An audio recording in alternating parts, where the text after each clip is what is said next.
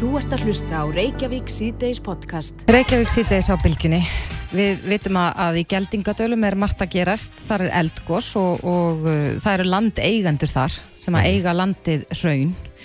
Um, og það kom í frettum í frettablaðin í morgun að þyrlufyrirtæki Norðurflug má ekki lengur lenda með ferðamenn við góðsvæðið í Geldingadölum. Já. En þetta ákvað síslumadurinn á Suðunisum í gær og setti lögban við lendingur frá fyrirtækinu. Þetta er ágreiningur, uh, þetta snýst um, um svona samráð við landegundur að, að fyrirtækið uh, sé þar já, í einhverjum samræðum sem að, að maður veit ekki hvort það vátt sér stað eða ekki en uh, hinga til okkar er komin Frankvæntastjórn Norðurflugs, Birgir Ómar Haraldsson, kom til sæl. Já, sæl bara þetta. Já, eh, brá ykkur þegar þið fengið okkur lögbann eða var þetta yfirvofandi? Það má segja það að það hefur verið yfirvofandi í alveg frá upphæði. Uh, varandi það að við hefðum ekki hatt samráð og þá reyndum við það mjög ítrekkað upp að ná á hraunseigendur uh, en ekki, náðum ekki árangri sem er við í því efnum. Uh, síðan fengum við hérna símtal þar sem að okkur var þetta að setja á okkur lendingargjald og uh, í því samtali var alveg ljóst að lendingargjaldi átti að vera mjög stór hluti bara þeir sem eru brútt og tekjur okkar af hverju minnasta farþega. Og uh, umfram, land, umfram það til dæmis sem ferða þjónustu milligöngu aðeinar taka þannig að eðlilega svona stöldriðu við nú aðeins við. Fyrir það að það gjald sem uppálega var talað um átti ekki eins og taka tillit til þess hvort við getum flóið út af veðrið eða ekki. Nei. Þannig að það, og einnig minnst við á það þeim tíma hvort að það væri gæðilegt að gjaldið tækir til smið af því sem að þekktir á Reykjavík-lúðli um lendingagjald, það sem er náttúrulega full þjónusta og ekkert af okkar rökum uh, var hlustað á. Nei. Þannig að við svo sem kannski áttum nú alveg svona því að, að þar sem að okkar rökum var öllum hendi í ruslið og þá myndi þetta enda svona. Talið þegar samningsviljin hafi verið lítill? Ég held nú reyndar að, að ég, ég held nú kannski reyndar að aðeinar hafi kannski farið aðeins fram úr sér í að reyna að hafa eitthvað svona viðmið í þessu. Mm -hmm. Það er engin í ferðarþjónustu og ekki við neitt móti því að skoða gjaldtöku sem tekur kannski mið af einhverju sem við þekkjum. Í þessu tilfelli sem að okkar uh, viðmið er þá þekkjum við náttúrulega hvaða landingagjald í Reykjavík Mm -hmm. þar sem er ákveðin þjónust og þar sem er ákveðin fjárfesting. En aftur á móti í geldingatólum er uh, þetta bara já, óbyður, þetta er bara beita, kannski eins og vallengi eins og beitaland. Þar sem er engin þjónusta. Það er engin búin að fjárfesta neitt í þessu svæði. Og það kom reyndar líka fram í, í yfirlýsku samtaka ferðarþjónustu fyrirtækja mm -hmm. að uh, það má náttúrulega svo líka segja sko að taka fyrirfram fyrir væntanlega uppbyggingu í framtíðinni er kannski ekki heldur alveg rétt viðmið. Já, það mætti rétt ímyndi sér það að þetta setur steik í ykkar reikninga er ekki einhverju sem að býða þeirra að komast? Jú, við höfum náttúrulega reyndar uh, verið aðeins að reyna að færa okkur í það að lenda ekki Já. Við höfum alveg heyrst það af okkar fólki sko, sem hefur verið að stórun hluta fullorðið fólk. Mm. Við höfum verið að fara með held ég að við mannreitt elsti einstaklingur held ég sé 94 ára gammal. Mm -hmm. Uh, og það hefur svona örlað á því að fólk hefur kvartað undan óþægindum við að vera á staðnum. Síðan hefur gósi breyst talsveit mikið. Mm. Þannig að við höfum bara verið að vega og metta það með við öryggi að fara ekki að lenda, heldur bara fljú yfir en þetta hefur svo sem flýtt þeirri ákvörðun hins vegar höfum við svona heikst á því að uh, hætta við að lenda mm -hmm. vegna þess að við svona svo skinnjum það hjá sumum af eldra fólkinu sem við verið með sem er stundum bara tveir þriði af öllum farþjónum sem við erum að flytja að þeim langa að, að lenda. Skinnja þetta. Þetta er náttúrulega mikilvæg leið fyrir fólk sem að getur ekki farað þarna fótgangandi. Að, að, að til þess að fá að upplega með þessum hætti er þyrluflug einn besta leiðin til þess að koma stað. En, en nú fylgdi frétt um að um, landegundur hafa gert samning eða náð samningu við annað þyrlufyrirtæki. Uh, eru, eru mörg fyrirtæki að bjóða upp á þessa þjónustu að, að fara og lenda þarna? Já þau eru nú alveg uh, nokkuð mörg sko, minnskustu fimm og jáfnvel sex mm -hmm. uh, það hefur ekki að, að við vitum til þá hefur nú ekki verið talað við all þessi fyrirtæki. Eitt fyrirtæki fekk nú einhvers svona samningsdraug sem að Norðurflug fekk ekki. Um, hinn fyrirtækin hafa nú verið heldur að draga úr lendingum sem svipað eins og við þurfum að hugsa. Mm -hmm. Já, en eins og staðan er núna þá hefur þetta lögban verið sett. Hyggist þið gera eitthvað frekar í málinu? Viljið þið setjast við samningaborði með landegundum og, og reyna að fá að halda fram að lenda? Ég, ég mun að það er alltaf verskilegt að menn uh, setja niður deilur. Um, hins vegar er það svo sem kannski aldrei uh, hægt ef að það er bara hennilega engin grundvöldur fyrir þeim. Mm -hmm. Þannig ég held að sé óskaplega erfitt að meta hver verður nýðustafan að þessu. Í þessum umræðin sem við höfum til dæmis átt hefur um, allt viðmiðum kostnað því hefur öllu verið hendt út af borðinu. Og það hefur verið talað um að það sé verið að selja aðgengi að viðburði. Uh, ég verið að viðkynna fyrir okkur við höfum ekki haft það hugarflug að náttúru hamfærar séu viðburður, við höfum bara ekki haft það ennþá. Nei. en ef að eh, náttúru hamfærir eiga að fara að verða flokkað sem viðburður uh, sem að auðvitað gæti farið mjög illa í þessu gósi sem öðrum gósum þá er það svona eitthvað nýtt viðmið sem að við eigum mjög erfitt að, uh, að átt okkur á mm -hmm. Er þetta orðalag sem að þið hafið fengið að heyra frá landeðundum? Já, þetta er það sem orðalag sem að, já, þannig að við, höfum, við getum, það er mjög erfitt að finna flöt á því hvað það á að taka fyrir viðbörð, ef að viðbörð á að kalla. Akkurat. En þú talaður um áðan að, að, að það væri ekki tekið til í þess þó að, að veður skiliði væri þannig að þið gætuð ekki lend. Var sem sagt þeirra tilbúð bara einu upphæð fastgjald fyrir lendingar? Já, þetta var uh, þannig upphæð að uh, þetta var fyrst og hannst bara uh, först upphæð fyrir tvær vikur og alveg óháð neinu viðmiði og óháð því hvort að við værum að fljúa út af veðrið eða einu eða neinu. Mm -hmm. Þannig að ég held nú að, að það hefur verið farið kannski fram uh, svona kannski án þess að ættu sér stað svona þreyfingar. Já.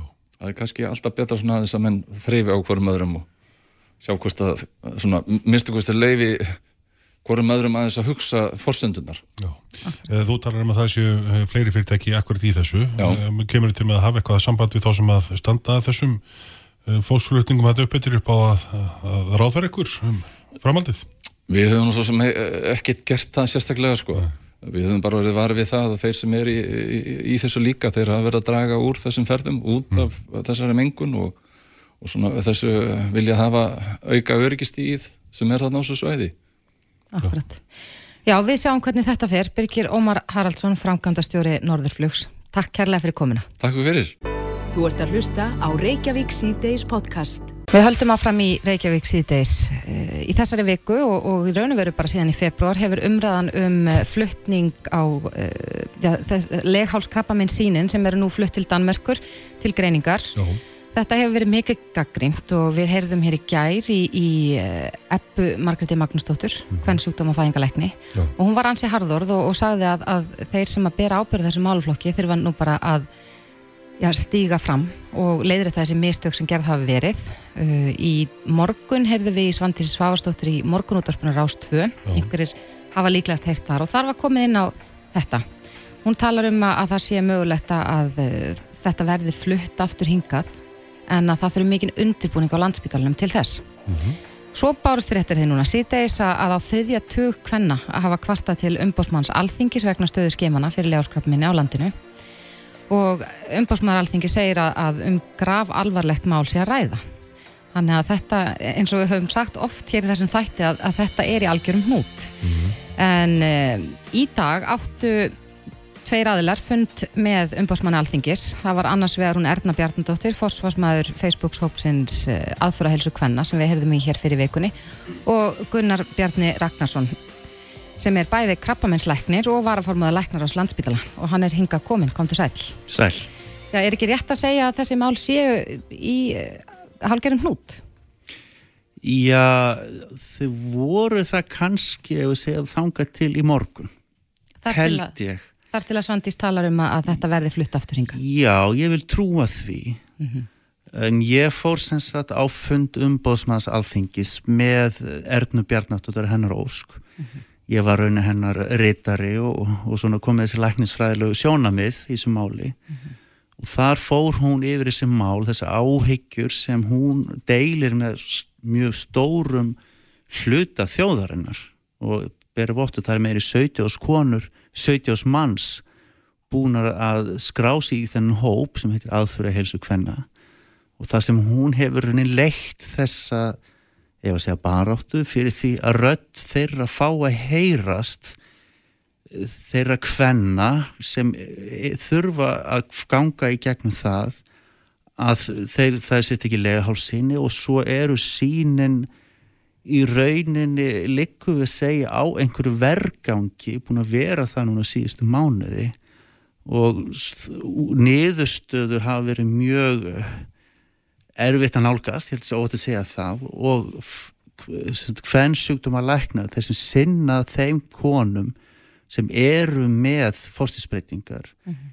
þeir fá ekki þær upplýsingar sem þeir vilduð og bara þegar hugsun um það að það er sínið sem myndar alltaf grundvöld þess grundvöld greiningar annarkort með fórstisbreytingar eða krabbaminn, mm -hmm. þú mhm. greinir ekki krabbaminn ég meðhandlar það nema þú hafið vefja sín sem segir hvaða krabbaminn er í gangi hversu langt það er uh, vaksi og svo framvegis mm -hmm og, og bara það, þessi, þessi, þessi róf í samfellu það veldur mörgum vandamálum meina fræðingurum sem les úr sínunum myndar rauninni er rauninni miðpunktur þess meðferða teimis sem, að, sem veitir ákveður meðferð viðkomandi einstaklings mm -hmm.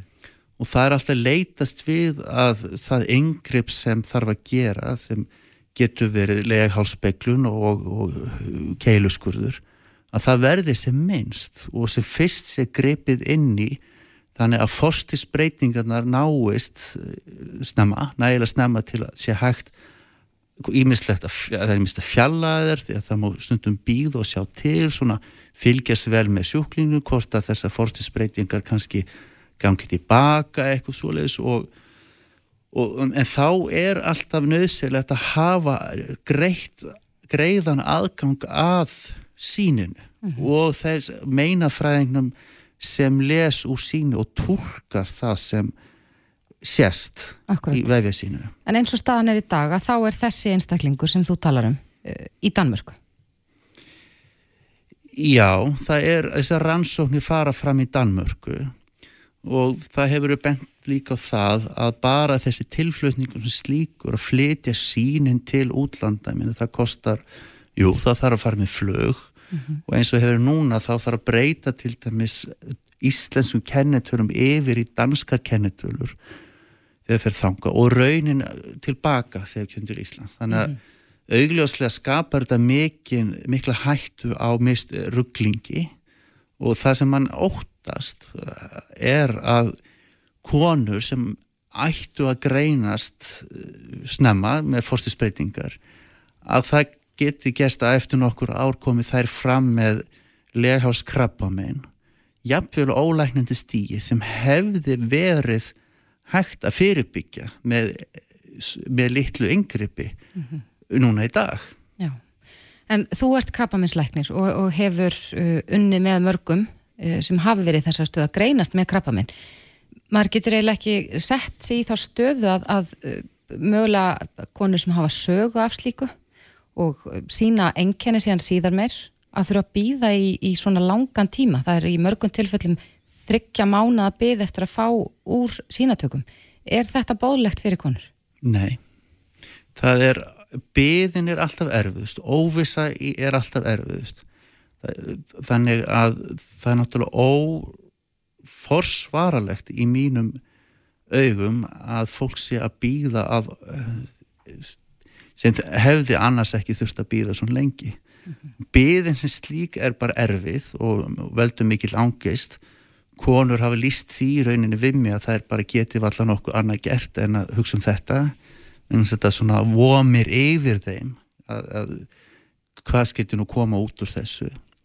Og og líka bara það töfin þanga til þessi vittne sem kemur fram hvað er í síninu, er, eru fórstisbreytingar ekki og ef það eru fórstisbreytingar og það er voru til staðar svona fyrir mörgum mánuðum það náttúrulega þá náttúrulega óttast konur það að krabbamenni getur náð sagt, að vaksa á meðan. Þannig að í það heila höfu við á Íslandi bori gæfi til þess að greining gengur mjög rætt fyrir sig hér á Íslandi mm -hmm. og þar eru við oft bara í fyrsta sæti á Norðurlandum allavega og ef ekki heimsmæli hverða og greininga ganga mjög hratt og meðferð byrja mjög fljótt þannig að þetta samráð sem er haft um, um hvaða meðferð er best ekki um mikil sem áhrifaríkust án þess að kosta einstaklingin og miklar segja, fórnir að það, svo ákverðin verður bara tekin í samráði famanna. Mm -hmm. og maður alltaf óttast það að svo frábæri árangur sem hefur náðst í krabbamislækningum á Íslandi sem er bara rauninni eitt fremst í heiminum búið að tekið upp nýja meðferði mjög fljótt og náð upp þessu, þessu samráðu milli mismundi fagsætti sem koma meðferð og greiningu. Það hefur verið mjög sagt, byggt vel upp það kerfi maður alltaf hrættur um þegar tekið svona megin hlekkurinn úr þeirri keðu sem verður að byggja upp að þá svona brotni þetta kerfi og við erum að reyna að taka það áhættu mm -hmm. að konur fái ekki bestu mögulegu læknistjónustu sem þær eiga rétt á samkvæmt lögum Já. og þetta rættu við meðal annars við umbóðsmann alþengis morgun sem hefur fylgst með málunu bauð erna bað um þennan fund í sinni baróttu fyrir því að snúa þessu við og mhm. baðum þennan fund og hann veitti hann með stuttum fyrir var að verið að segja og ég fór að hennar á smeðinni og, og fór yfir, hún fór yfir þetta mál og hann eh, sagt, hann hefur fylgst með þessu máli hann saði það var ákveðin fjöldi kæra sem hefur komið þannig inn og, og benti á það er alltaf leið en í rauninni þegar aðrar kæruleiður hafa verið tendar eins og -hmm. nýta sér ennbættir eh, landlæknis í þessu uh, skinni. Akkurat. En nú, það, það hljóta að vera góðar fréttir að, að helbyrðisráþur að segja það ofinbörlega að þetta sé til skoðunar að flytja þetta afturringaðum en þá inn á landsbytala. Um, það hefur verið gefið út á landsbytala að, að það þurfu undirbúning til þess að þetta verkefni verði gerlegt hér en uh, sá undirbúningur er ekki hafinn. Hversu langan tíma uh, telur þú svona út frá því, þeirri þekkingu sem þú hefur að við þurfum til þess að geta tekið þetta henga? Nú bara veit ég ekki. Sko það hefði verið mjög auðveldara ef bóði krabbaminsfélagsins um aðstofi fluttning á þessum rannsóknum yfir landsbítala hefði verið þegin uh, strax upphafi mm -hmm. og það var bóði, þá bóðin að ég held þryggja ára aðlöðuna tími af hálfu krabbaminsfélagsins því því miður ekki það því bóðið var því miður ekki tekið. Mm -hmm. og ég held að það sé mjög sorglegt fyrir vikið voru sagt, þeim, þær konur sem hafa byggt upp þessa þjónustu hérna undanfann ára og sérhæfður uh, starfskraftur eða lífendafræðingar á frumur ansvonarstofu krabbaminsfélagsinn, þeim var sagt upp. Einhver af þeim eru komin til annar að starfa og nú er rauninni verkefni það í mínum augum að fá þær tilbaka mm -hmm. þær sem geta og vilja um, þannig við höldum þessari sérþekkingu í landinu okay. það sem svo mikilvægt við höfum byggt upp heilbyrjaskerfi heimsmæli hvar á Íslandi og ég, mér finnst ef við erum að fara þá leið að það eru teknar ákvæðan sem er ekki á faglegum grunni heilbyrjaskerfi þá eru að fara mjög hættulega leið en ég fagna því mjög að það sé verið að snúa sér við og ég hef bara verið að helbisa á þeirra það til hross að hafa gert það, hún har staðið í ströngu já, undan fari, ég veit ekki, tvo ári að verða í, í baróttunum COVID og þar hefur hún fyllt ráðum sérfræðinga og ég er bara mjög gladur við því að hún gerir það, hún verið skera það í þessu mál, en það er rétt að það er undirbúning. Tækinu til stað að mér skilst en það er kannski mann sem sér hafa uh, vinnuafl sem þarf að endur heimta og við halda svo í framtíðinni. Já, við fylgjumst áfram með því hvernig þetta mál fer en Gunnar Bjarni Ragnarsson, krabbaminsleiknir og varaformaða leiknar ás landsbytala. Takk kærlega fyrir komina. Takk að þér. Hlustaðu hvena sem er á Reykjavík C-Days podcast. Reykjavík sitteis á bylgjunni heldur áfram. Í gæri símatíma ringdi okkur ungur drengur, mm -hmm. Íringur. Hann var á leðinni norður en enn einn mótið í fótbolta uh, hófst í dag. Já, já. Það fór aðeins svona yfir dagskrana. Já, hann gerði það. Liði, liði í er kemur til með að mæta á móturinu. Akkurat. Og svo voru þarna fleiri bílinn sem að rópuði áfram í er. Nákvæmlega og ég tók undir með þeim. En uh, það er búið búi að vera sumrin erinn er alltaf svolítið undirlöð af fókbaltamótum fyrir sko Já. bæði fóreldra sem að ferðast með börninu sín maður sér mót. Og svo börnin sjálf sem að hlakka til að fara. Og uh, það er mjög gaman að fylgjast með þessu. Ég á ekki börn á þessum aldrei ennþá en, en ég svona býst við því allavega ef að það er ákveða að vera í fókbalta að, að ég verði mætt þarna með tjaldvagn einn daginn. Já, En uh, Kolbjörn Tumi Daðarsson, fréttastjóra Vísi, hann er búinn að skrifa hansi skemmtilega greina, búinn að fara tvö fótboltamót í eigum að undanförnu, annars vegar með, með uh, dóttur sinni og svo með, með sinni sínum. Og já, þetta er ansi áhugavert að lesa allavega svona um hegðun fóreldra á þessum mótum. Kolbjörn Tumi er komin til okkar, kom til sæl. Komið sæl. Já, þú hefur gaman að þessu, eða ekki? Þetta er bara skemmtilega sem ég gerir sko. Þessar þessa tvær ferðir, maður er alveg svona tvo daga að jafna sig eftir Já. að, að pínu eins og maður sé komið bara af þjóðatíð af því að maður er, þetta er bara 24-7 sko, þar sem að maður er allan daginn í fótbolta og svo um kvöldið er að socialæsa og elda og, og hérna borða, borða góða mat og, og drekka gott vín og, og svo er bara að vakna sjö daginn eftir og bara aftur keira sig í gang út í allan daginn, veðraður og í sólinni og fylgjast með krökkunum sínum í, í, í leik og hérna gleði og sorg.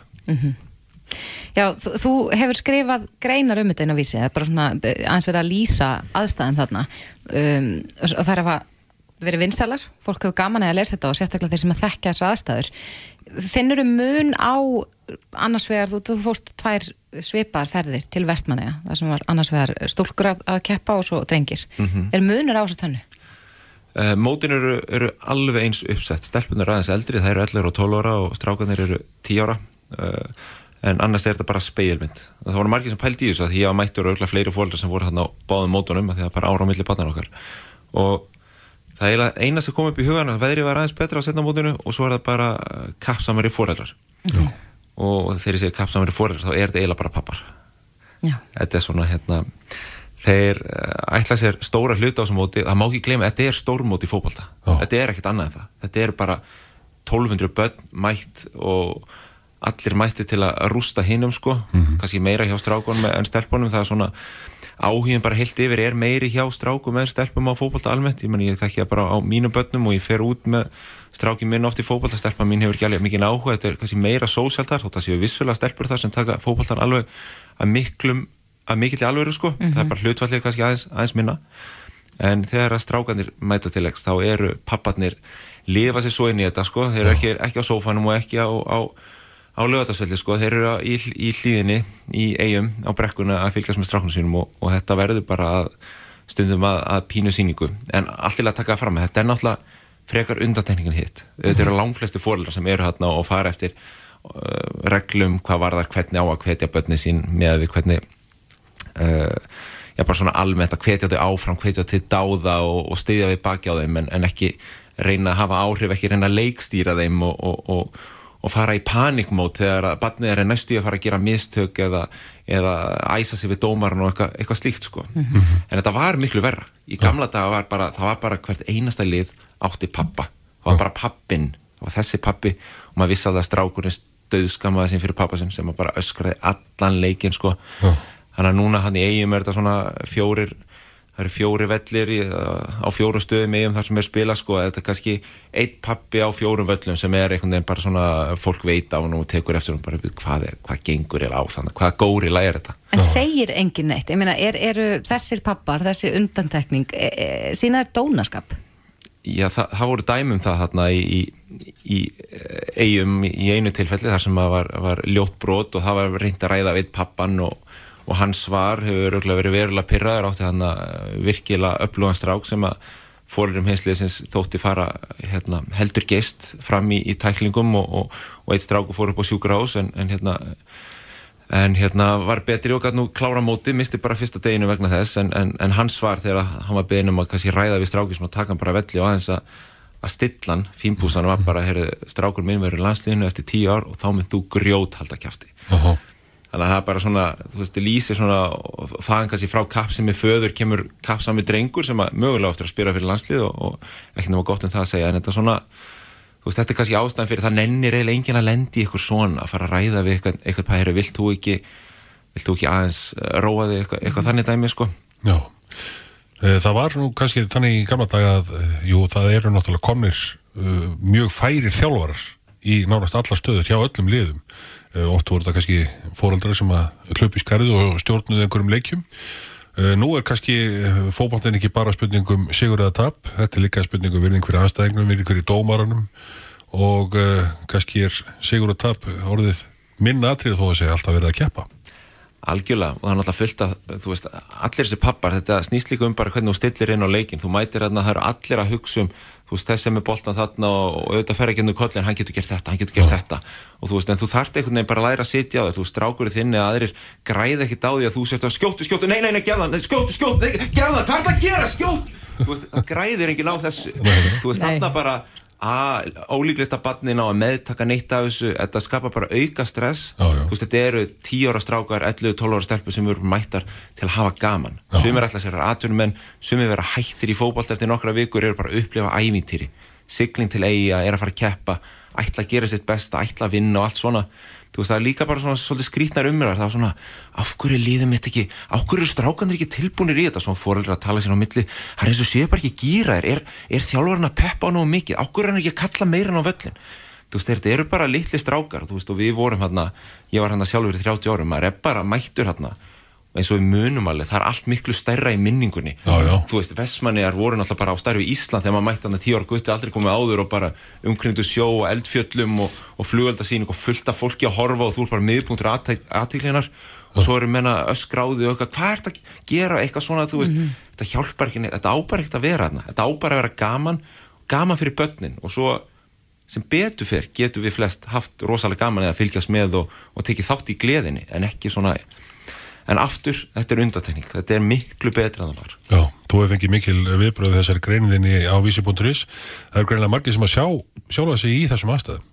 Algjörlega, þú varst þarna þú veist, þetta er náttúrulega lang vinsalasta íþróttan í Íslandi, það hafa, mm. þú veist, bara mín þú veist, bara stráka svona upp til hópa, þú veist, miklu fleiri hafa farið á þessi mót en ekki kannski mm -hmm. og, og svo hefur í setni tíð hefur það verið þannig líka hjá stelpunum mm -hmm. og þú stelpa mín byrja að æfa bara rétt fyrir mót aftur, var hægt í fókbalta byrja aftur og ég hafa bara yes, þú veist ekki að hún er eftir að verða eitthvað í fókbalta en hún mun aldrei gleyma sér í ferð Nei. þetta er bara minning fyrir lífstíð sko Við vonum, eh, eins og ég sagði, það var enn eitt mótið að hefist í dag. Kannski er einhverju sem geta tekið þetta til sín og, og róa sig aðeins á hliðalunni. Eh, Kolbjörn Hummidaðarsson, fréttastjóri Vísis, Takk fyrir komuna. Takk fyrir mig. Reykjavík síðdeis á bylginni. Reykjavík síðdeis á bylginni.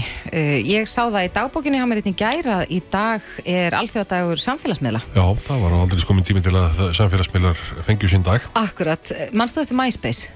Já, já. Varst það MySpace? Já, já. Ég nefnilega var bara eitthvað eins að flettis upp og ég sá MySpace var langvinnsalasti, svo eini samfélagsmiðlinn frá 2005 til 2008. Mm -hmm. Svo tók eiginlega bara Facebook við. Já, já og bara eina daginn eftir þá var MySpace og horfið að vettvangi. Nákvæmlega. Nánast. En nú eru samfélagsmiðlandi mjög margir. Mm -hmm. Við höfum séð á sko, rísa og falla má segja. Ég, það voru eins og alltaf allir á Snapchat og núna er alltaf allir á Instagram og, og þetta er svona, það eru trend í þessu eins og svo mörgu öðru. Já.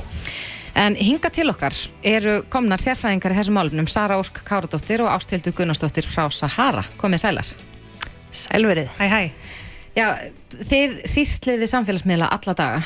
Uh, hvað hefur breyst á síðustu árum? Tja, það hefur mjög margt breyst. það er hérna, sko, hæðunin er búin að breytast alveg ótrúlega mikið. Mm -hmm. uh, maður er doldið mikið búin að fara úr því, ef maður tala líka bara út frá sjálfum sér, að sko, þessi svona stöku myndbyrtingar yfir í það að vera að byrta miklu meira, svona hvað er í gangi bara dagstaglega storyformið er orðið alveg gríðarlega vinsælt og það er bara eitthvað sem hefur gerst núna tja, síðustu árin. Ég minnir að story sko, það er alveg, það er innan við fimm ára gamalt. Mm -hmm. þannig að mér, mér fannst það breyta mjög miklu. Mm -hmm. Akkurat, eh, eins og ég saði hérna MySpace var rosalega vinsælt árum 2005 til 2008, ég man vel eftir MySpace þetta var alveg frábært tól og svo, eitthvað, nei, núna getur maður ekki ímynda sér lífsitt án samfélagsmiðli ég held að ég væri bara í eitthvað litlum samskiptum við fólki í kringum mig ef ég ætti ekki Facebook til dæmis. Þannig að, að þetta er, er áhugavert að pæla í þessu en, en samfélagsmiðlar geta auðvitað átt sína góður hliðar og svo slæmar hliðar. Maður er að sjá alltaf í auknu mæli fréttaflutning af, af allskynns uh, sko, brotum mm -hmm. sem eiga sér stað á samfélagsmiðlum. En svo hefur maður líka sér samtakamáttin sem getur uh, sem þeir geta fallið í sér.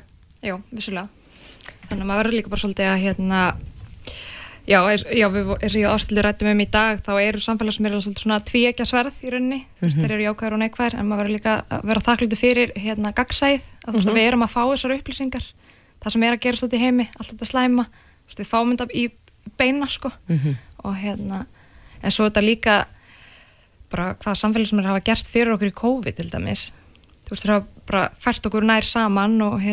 og auðvitað, þú veist, samskipti mhm. helling, mm -hmm. þú veist, vinahópuru minn þú veist, við vorum alltaf með alls konar bingo og eitthvað svona bara í gegnum summið, sko mm -hmm. þannig að, já Sko, já, ég myndi segja að jákvæða hliðin uh, endur speiklast rosalega mikið í allskinn svona samtakamætti sem að á sér stað í gegnum samfélagsmiðla.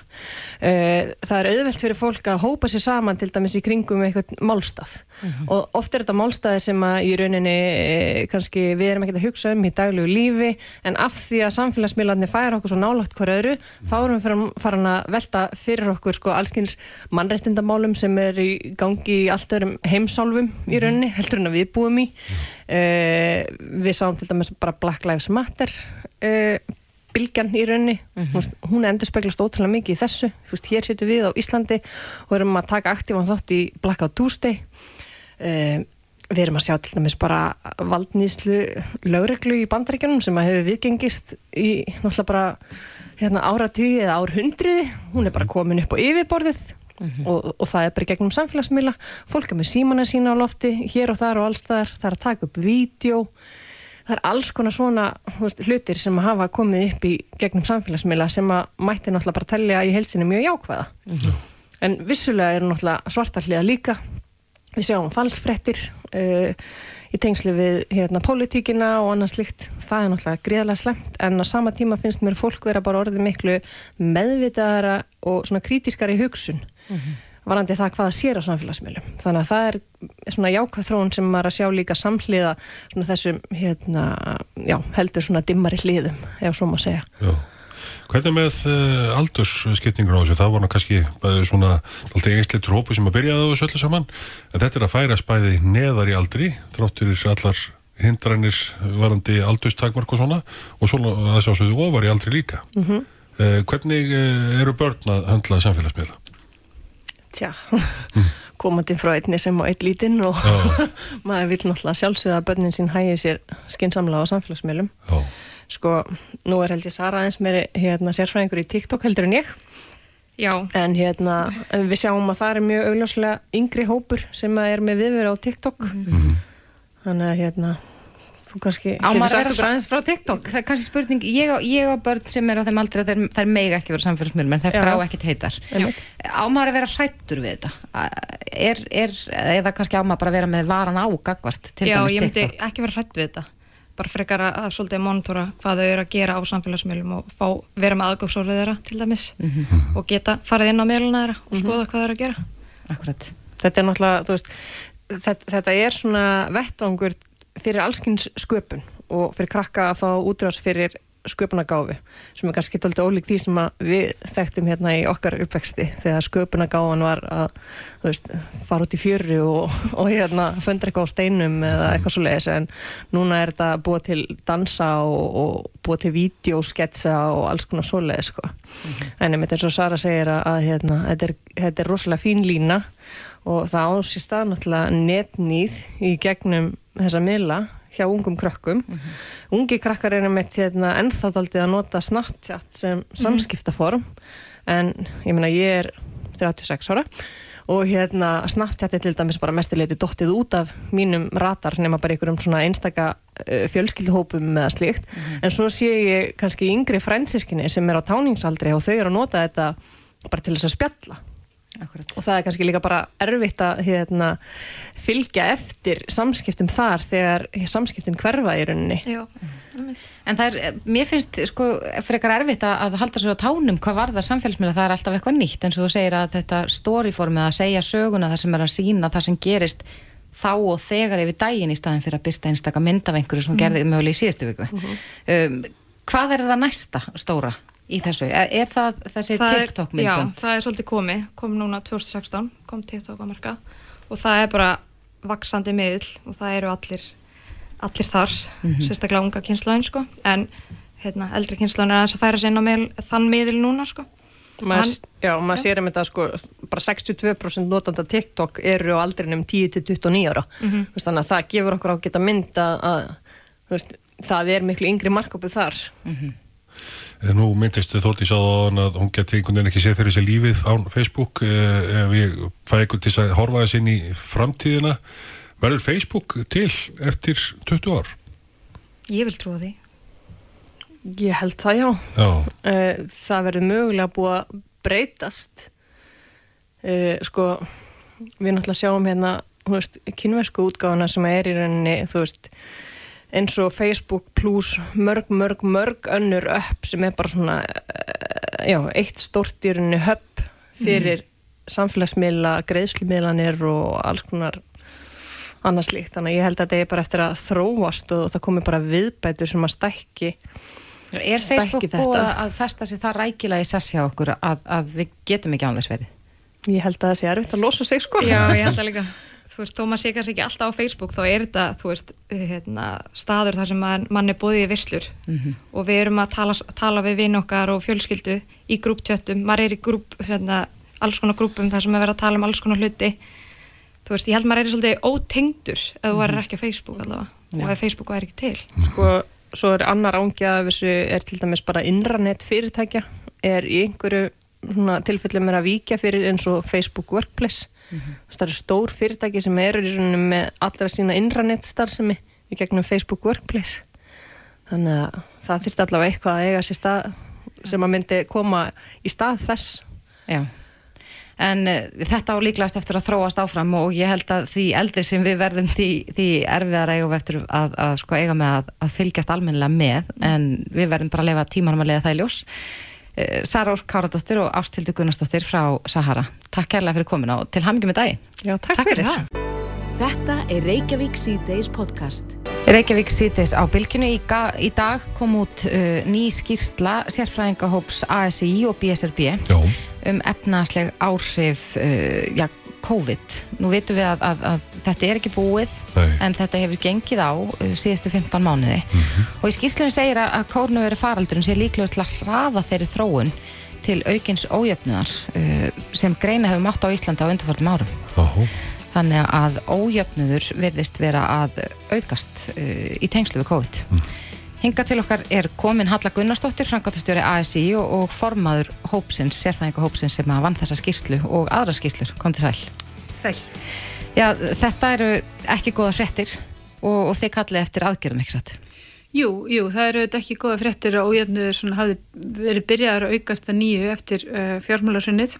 Uh, eins og við þekkjum að þá var hann jógst hann mjög hratt hérna árunum fyrir fjármálarunni mm -hmm. svo mingaði hann í tengslum við það þegar svona efsta lægið misti, misti svolítið mikið á einu bretti eh, en var yngar síður svona fljóta, fljóta ná sér að stryk aftur eftir hana en við sjáum það þessi sko, fjármála etnaskreppur það er yfirleitt íta undir ójöfnuð mm -hmm. það er koma yfirleitt verðinir af þeim sem að uh, minna höfðuð fyrir Er hægt að útskýra það í, í sko, einföldum máli hvers vegna það gerist?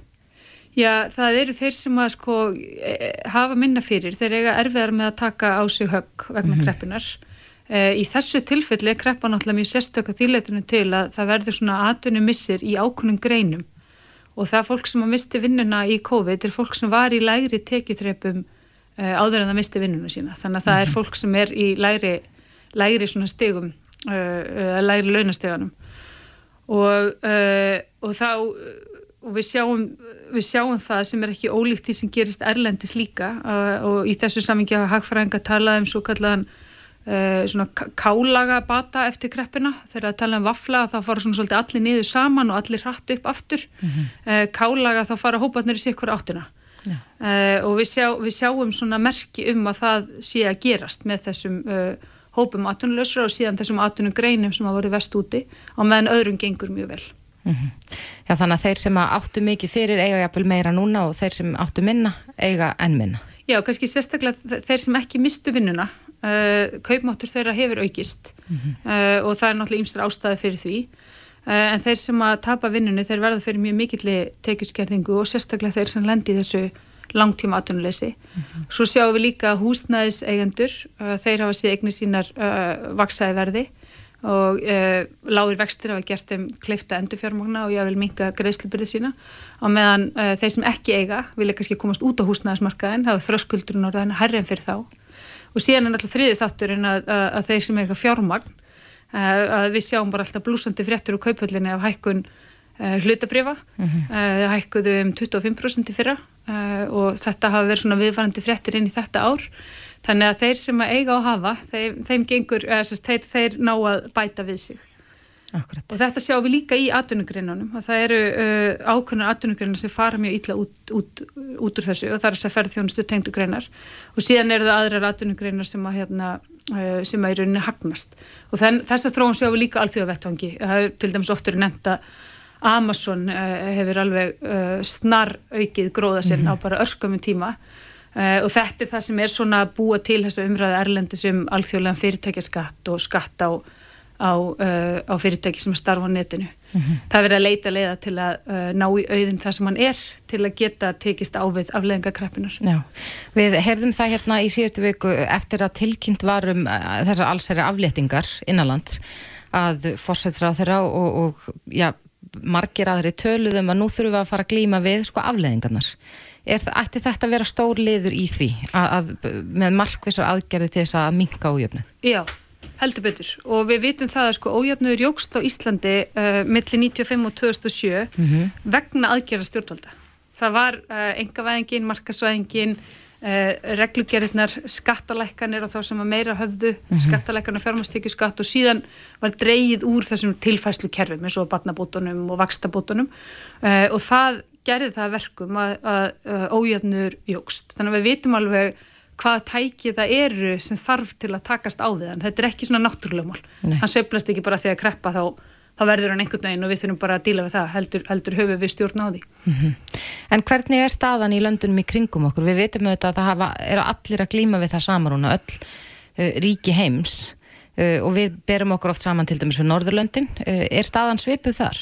Já sko, atvinnuleysin er náttúrulega ógsfraðar hér af því að við reyðum okkur svo mikið á ferðarþjónustu. Hún er stærri partur af verkri mm -hmm. landsframleyslu hérna heldur en á hinn í Norðurlöndunum.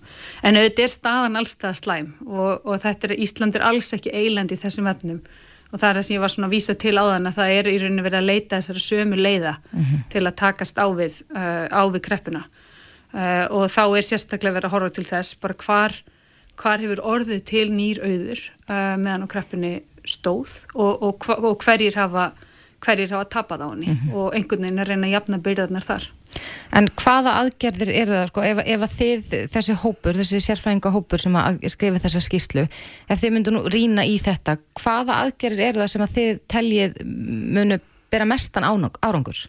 Ég sko, í fyrsta lagi þá hefur við ekki sætt okkur við langtíma atvinnuleysi og allar spár núna gera ráð fyrir herra atvinnuleysi til lengri tíma en, en Íslendingar hafa áður sætt sér við. Mm -hmm. Þannig að það er eiginlega fyrsta málið, bara við, við ætlum ekki að sætt okkur við það.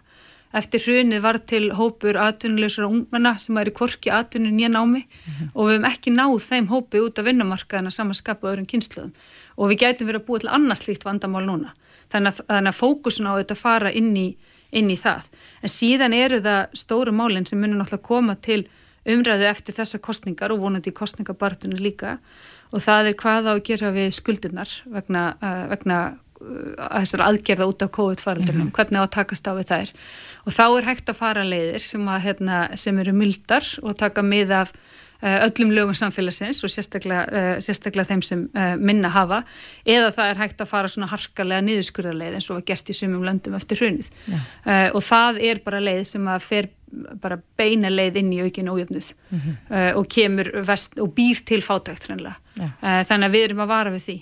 Og það er bara þessi, þessar, þessi atrið sem ég nefndi hérna á þann að sækja fjármagnir það sem það er til, við þurfum að horfa ekki bara inn í tekjuskattskerfi, heldur líka inn í, uh, líka, sest, líka inn á fjármags, fjármagstekjuskattin og, og þá liði. Mm -hmm. og hérna, og svo má þetta fara miklu lengra en það er kannski meira svona sem ASI hefur verið að skoða um, um bara öllundugjöld og, og fleira. Uh, en líka bara hvernig við, hvernig við tökumst á þessar efnaðslu afleðingar og, og hvernig ríki beitir sér og sínum tækjum í ríkisfjármálunum til, a, til að uh, milda höggið. Já Við getum öll sammælst um það, við vonum að, að, að þetta verði ekki þróun sem að heldur áfram svona, heldur að það verður spynt, eða verði spynt gegn þessu. Já, alla kannanir á Íslandi sína almenningur vill ekki óðunnið. Það er alveg yfir 80% sem telja nú mikinn mm -hmm. uh, og vilja þessi dreigð úr honum. Já.